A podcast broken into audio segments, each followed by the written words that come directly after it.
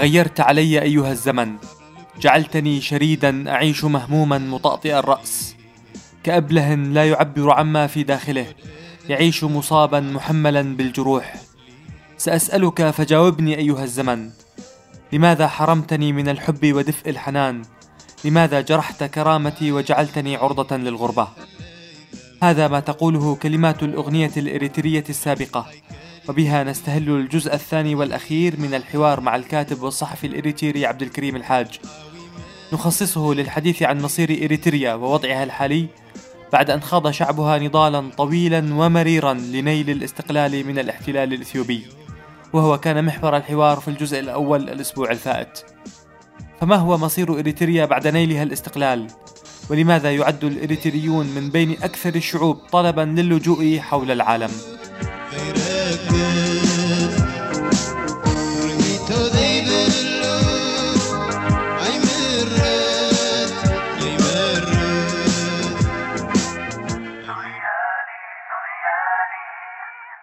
ننتقل إلى محور آخر الآن إذا تسمح لي.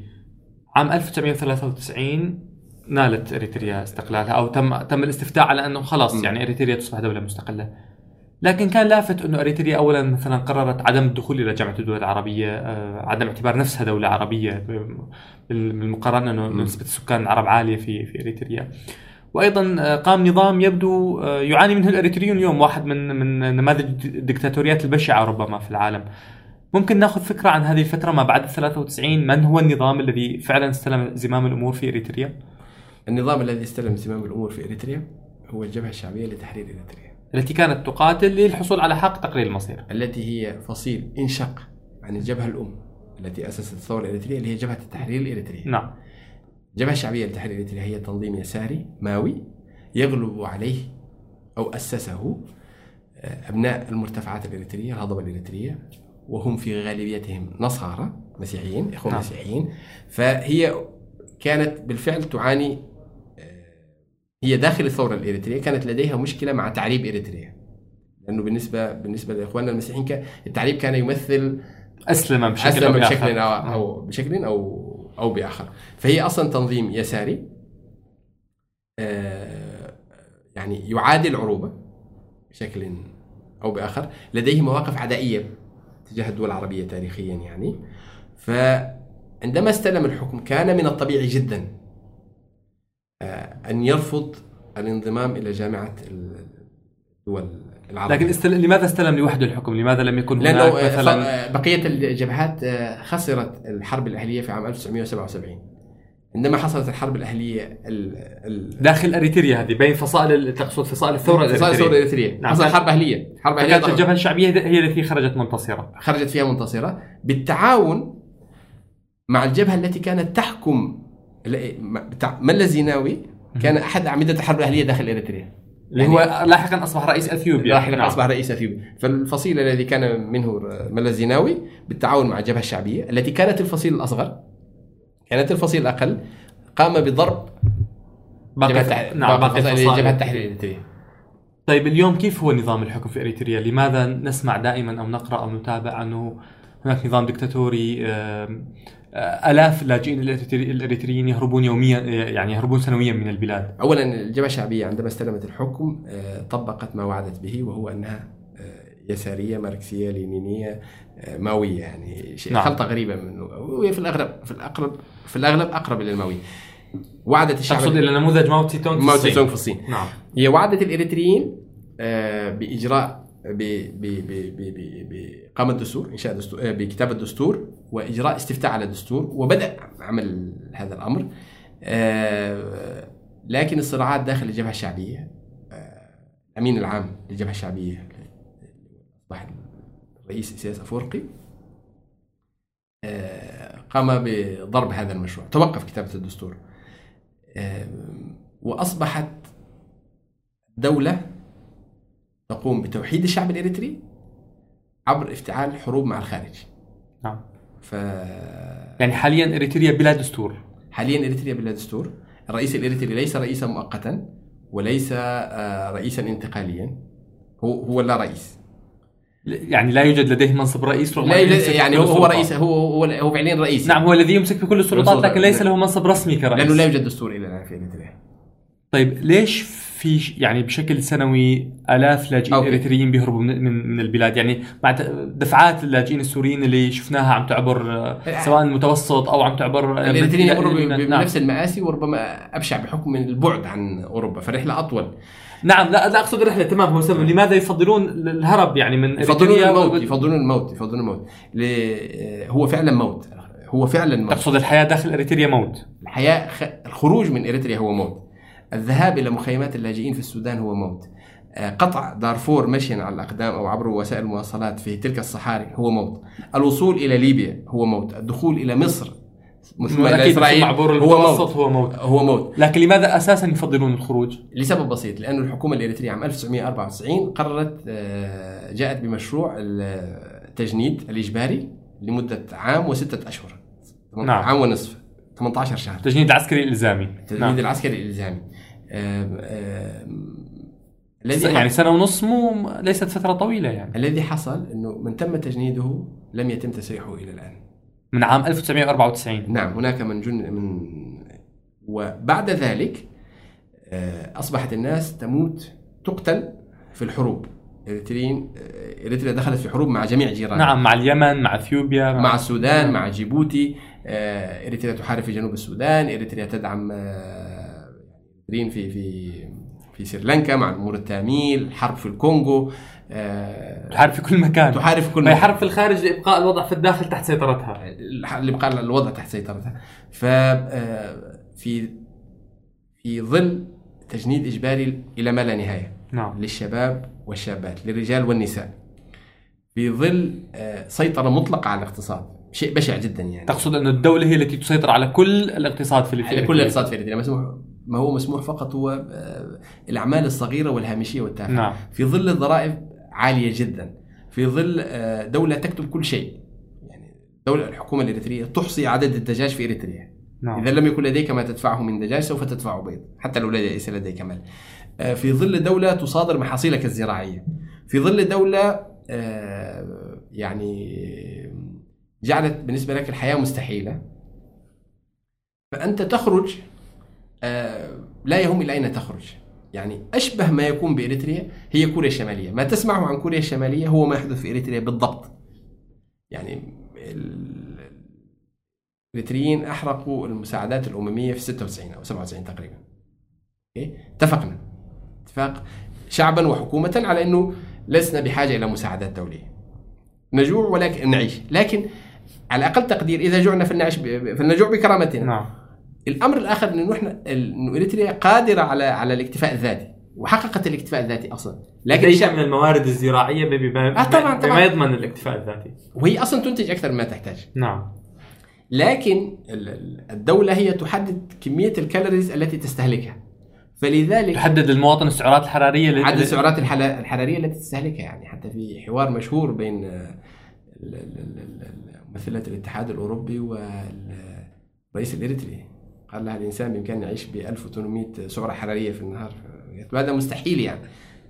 بني آدم يحتاج لحد أدنى من 2400 آه، سعرة حرارية.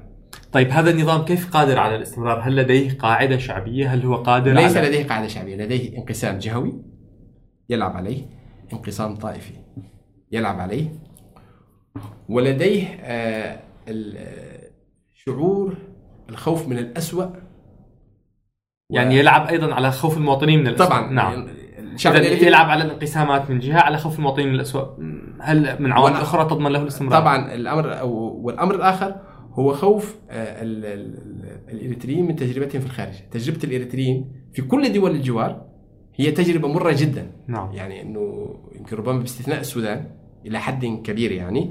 في معظم الدول التي ذهبوا إليها منعوا من حق التعليم منعوا من حق الطبابة منعوا إلى آخره فاهم علي انتهى بهم الأمر انتهى بهم الأمر إلى عماله هامشيه انتهى بهم الأمر بلا حقوق كاملة بلا يعني. حقوق أيضا هل طب هناك أي مثلا آه، دعم أو قرار دولي أو إقليمي باستمرار هذا النظام؟ طبعا النظام الاريتري هو النظام الأنسب بالنسبة للدول العربية المركزية في تعاملها مع مع إثيوبيا. للابتزاز وممارسة الضغط يعني العرب يفضلون. يفضلون. نعم. تكون إريتريا موجودة؟ مليون المئة. على أن تكون أثيوبيا في البحر الأحمر. آه على أن تكون يعني جزء من أثيوبيا وان تصل أثيوبيا إلى سواحل البحر الأحمر. آه، وعلى أن تتنفس أثيوبيا. ف- فالنظام يدرك ذلك. يدرك ذلك تماما. ويلعب على هذه الورقة. ويلعب على هذه الورقة. طيب هذا يقودني أيضا إلى سؤال بما إنك ذكرت مسألة الانقسامات الجهوية والطائفية، هل من الممكن فعلا أن ناخذ فكرة عن ال يعني المكونات العرقية، المكونات الدينية، المكونات ال- ال- الجهويه لإريتريا للشعب الإريتري، وأيضا باختصار يعني ليس بالضرورة بدقة أو ب- نعم. بادق التفاصيل. آه، رسميا الشعب الإريتري ينقسم بنسبة 50 50 هذه طبعا من العجائب في الدنيا. 50% 50% رسميا. 50% ماذا و50% ماذا؟ 50% هم من المسلمين. نعم. جميعهم مسلمون سنة. و50% من الإخوة المسيحيين منقسمين على غالبية أرثوذكسية نعم. وكاثوليك وبروتستانت. آه، ال- المسيحيين في إريتريا تركزوا في الهضبة الإريترية التي هي الأكثر وعورة ربما تكون الأكثر جمالا يعني نعم. لو ذهبت إليها هي منطقة جميلة جدا خلابة. كجغرافيا يعني. كطبيعه نعم. لكنها هي منطقة فقيرة الموارد لا يوجد ما بإمكانك أن تزرعه في الجبل إذا إلى الآن نتحدث عن انقسام آه،. بين انقسام ديني بين مسلمين ومسيحيين، انقسام مناطقي بين هضبة وهضاب بين هضبة هضبة و- وسهول. وسهول نعم منخفضات هي هي منخفضات لأنه هي حتى المنخفضات الإريترية مقارنة بدول الجوار هي مناطق مرتفعة نعم. يعني ال- ال- المسلمين أو حتى غالبية المسلمين المسلمين هم في المنخفضات بالإضافة إلى هذا الانقسام المناطق أود أن أسأل هل المسلمين عرب ام أم أفارقة؟ نعم. رسميا رسميا هناك تسع قوميات آه، في إريتريا. نعم. آه، العرب الحكومة الإريترية لم تسميهم عربا. الحكومة الإريترية اخترعت قومية اسمها الرشايدة. هي قبيلة عربية تعيش في إريتريا. أو إنما هم عرب في الأساس. هم عرب هم عرب. نعم. عرب أقحاح يعني حتى نعم. لم يختلطوا بقية الإريتريين. هذه التسع قوميات هي في الحقيقة ليست تسع قوميات ثم عادوا تغييرها لتسع مجموعات ثقافية. هي تسع مجموعات لغوية. مم. داخل هذه المجموعات التسع مجموعات اللغوية يوجد من هم عرب ومن هم غير عرب. ومن هم غير عرب. لسبب بسيط لأنه ال ال ال ال طبيعة الجغرافيا الإريترية آه، فرضت آه، اللغات على مناطق. ف حكومة ترفض هذه الرواية للتاريخ لكن سوف أذكرها. عند دخول الإيطاليين إلى إريتريا كانت المدن الإريترية كلها معربة تتحدث اللغة العربية. تتحدث اللغة العربية. نعم. و... وكانت بعض القبائل يسموها بالعرب أصلا يعني. الإيطاليين سموها بعرب كذا وعرب كذا. آه نعم. حتى وإن كانت اليوم لا تنطق باللغة العربية أو جزء منها ينطق باللغة العربية داخل. فالإريتريين بينهم نسبة من العرب أو من أصول عربية من أصول من الجزيره العربيه ومن اليمن. بعضهم أصولهم مباشرة قد يكون هو نفسه آه، قد يكون اباه جده إلى آخره.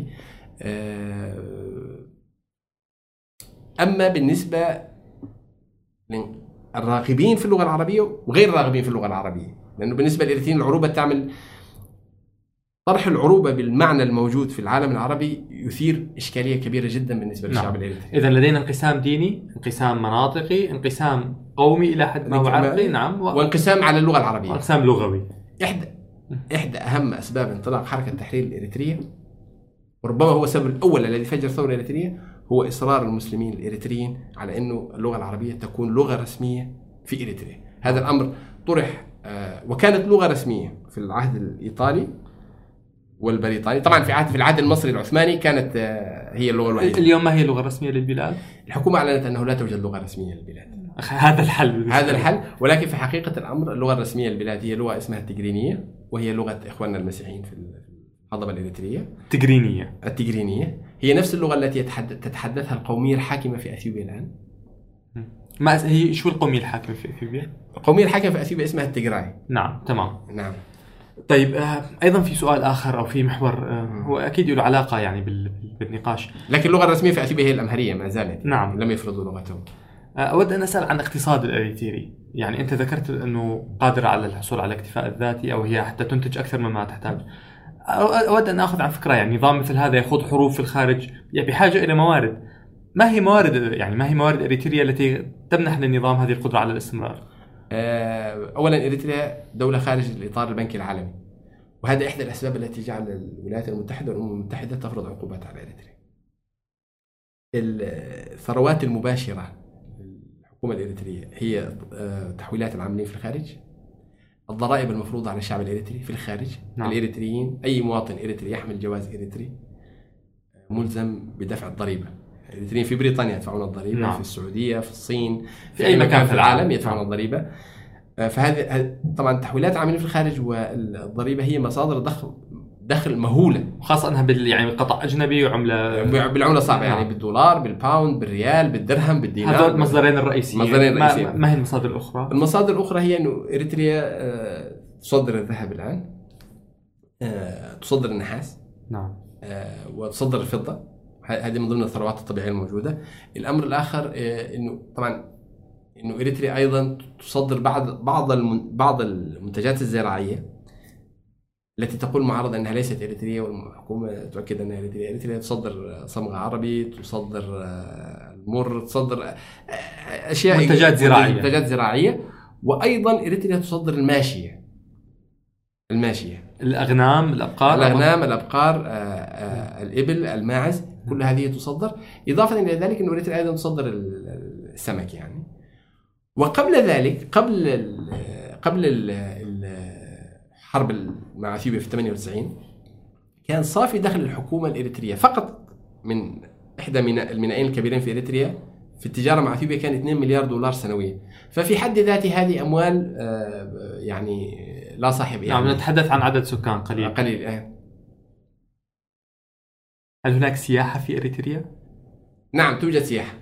آه، إريتريا بلد خارج النظام البنكي العالمي لكن يأتي يأتيه السياح يأتي حوالي 650 ألف سائح سنويا رغم الحروب ورغم المصائب آه يعني هذا صراحة رقم كبير رقم كبير 56 جدا نعم. نعم نعم نعم لأنه أنت ذكرت أنه هي تشبه كوريا الشمالية يعني هل من المعقول أنه دولة تقبل فعلا سياح أجانب يتحركون نعم نعم؟ نعم نعم هي هي ربما لأنه الدولة مسيطرة على الأمن بشكل كامل جدا يعني أنت تقصد دولة آمنة يعني. نعم ده هي هي ليست دولة آمنة هي دولة أمنية طبعا هي دولة أمنية يعني لأنه آه، يعني آه، في سائح آه، في قصص يرويها السياح. مثلا إنه السائح إذا تاه في منطقة يجد شخص يمسكه من يده ويأخذه إلى الفندق يعني, يكون شخص أمني متابع. يعني طبيعي يعني طبيعي.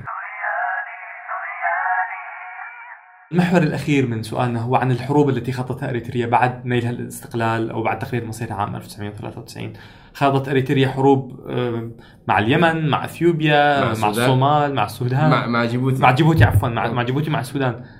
لماذا؟ يعني أنت ذكرت إنه هي السبب الرئيسي يعني لمحاولة السيطرة على الداخل من خلال افتعال حروب مع الخارج.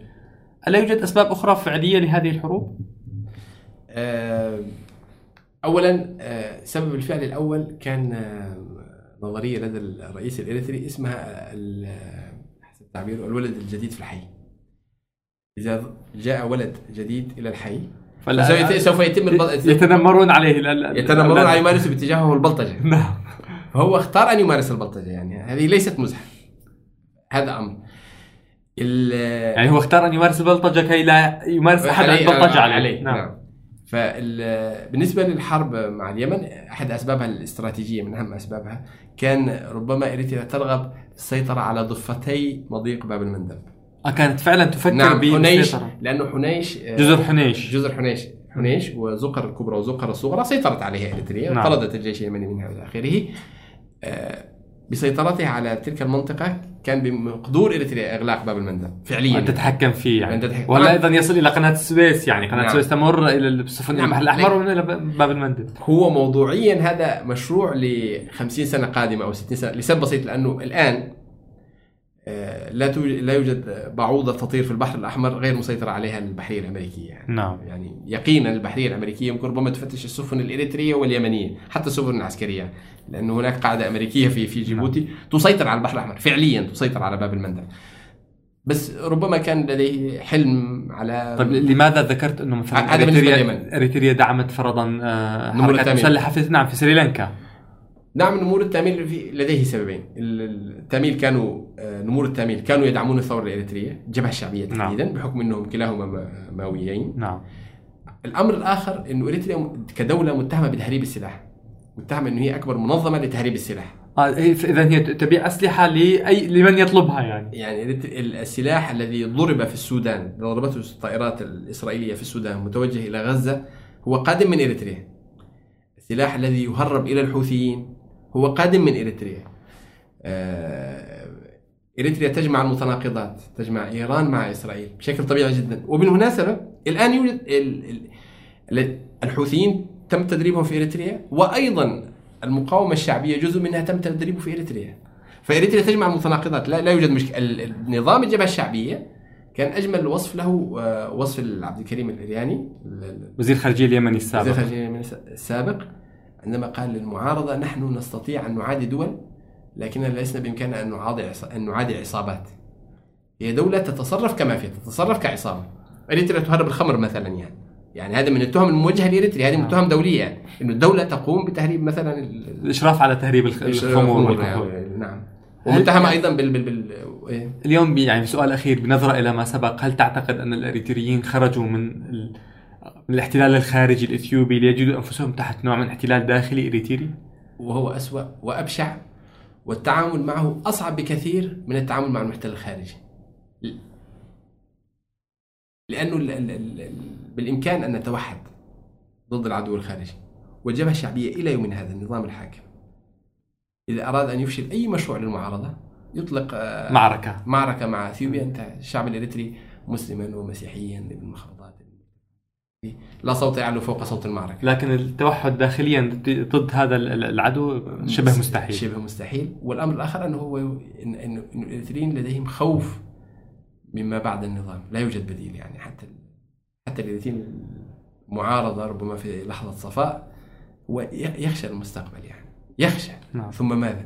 فهو رب هذا رب هذا الرعب لدينا إنه طيب إذا ذهب ماذا سوف يحدث؟ ما- من هو البديل يعني ماذا سيكون البديل؟ ورغم إنه نحن في الأسوأ يعني لا يوجد أسوأ من من- يعني طيب آه، يعني لا يوجد اسم الوضع الحالي لكن عادل إمام في المسرحية شاهد ما شافش حاجة هددوه بانه بإنهم سوف يأخذوا منه العدة بس الغريب إنه هو ليس لديه تليفون أصلا فهو الرئيس الإريتري يهدد الشعب إنه سوف يأخذ منه العدة فقط يعني الكاتب الصحفي الاريتري عبد الكريم الحاج شكرا جزيلا لك. شكرا جزيلا لك أخي الكريم.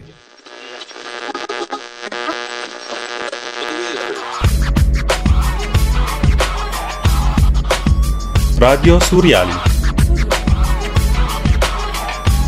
على فكرة هذا مش راديو.